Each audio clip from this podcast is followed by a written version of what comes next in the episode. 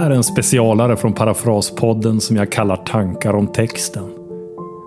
Vi läser och hör bibeltexter och själv slås jag av hur lätt jag vaggas in i en slags oberörd dövhet och ofarlighet.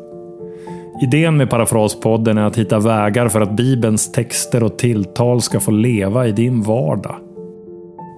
Jesus är liv och vi behöver mer av hans liv, av honom själv.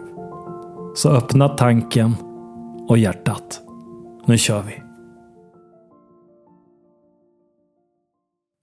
En desperat och vacker bild av bön. Markus 5, 24-34. Jesus genialiska frågor öppnar bibeltexternas värld. Frågor som underlättar för mig för de blir inbjudningar till mitt eget liv. Plötsligt står jag ansikte mot ansikte med Gud som med obegripligt varmt tålamod kräver svar på tal. Jag utmanas, för det går inte ducka längre när Jesus börjar ställa frågor. Vem tog tag i min jacka? säger Jesus och stannar upp. Petrus suckar djupt, lyfter på kepsen och stryker svettpärlor från sin panna och konstaterar axel mot axel med Jesus. Hallå Jesus, vad menar du? Det är typ hundra personer här som trycker på från alla håll. Vem rörde vid dig? Vem rörde inte vid dig? Men Jesus är orubblig. Tittar, letar, väntar. Och där står hon. Utan namn, vilket bara förstärker diskvalificeringen. Hon i skuggorna. Kvinnan med blödningar. Kanske har hon haft ett missfall och i sviten av det fortsatt blöda år efter år. För lite för att dö, för mycket för att vara accepterad.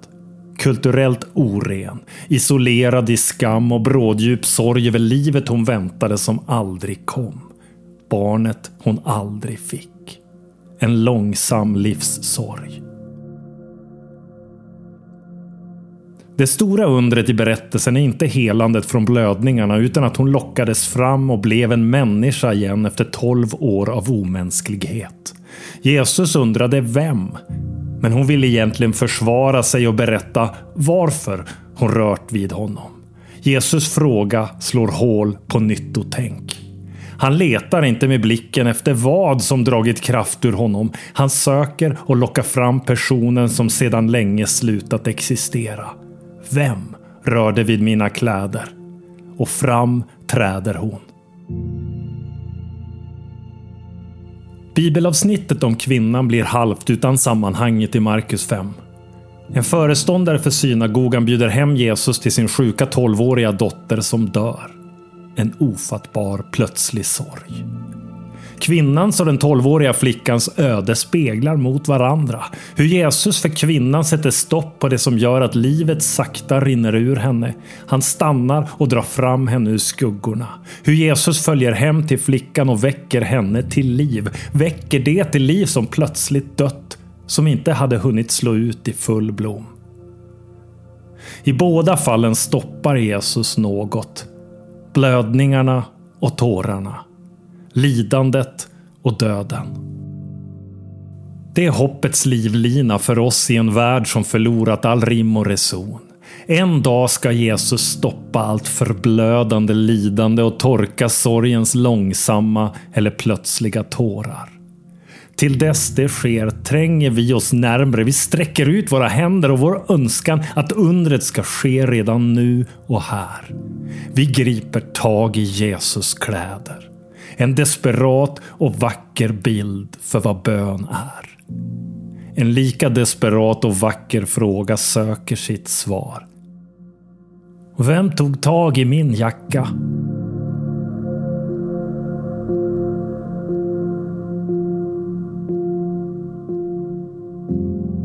Den sjuka kvinnan. Mycket folk följde efter och trängde sig in på honom. Där fanns en kvinna som hade haft blödningar i 12 år. Hon hade fått lida mycket hos många läkare och lagt ut allt hon ägde men inget hade hjälpt. Hon blev bara sämre. Hon hade hört talas om Jesus och nu kom hon bakifrån i folkmassan och rörde vid hans mantel. För hon tänkte, om jag bara får röra vid hans kläder blir jag frisk. Genast stannade hennes blödning. Hon kände i kroppen att hon var botad från sin plåga. Jesus märkte genast inom sig att det hade gått ut kraft från honom och han vände sig om i folkmassan och frågade Vem rörde vid mina kläder? Hans lärjungar sa till honom Du ser hur folket tränger sig in på dig och du frågar Vem rörde vid mig? Men han fortsatte att se sig omkring efter henne som hade gjort det. Kvinnan visste vad som hade hänt med henne och hon kom rädd och darrande fram och föll ner för honom och berättade hela sanningen för honom.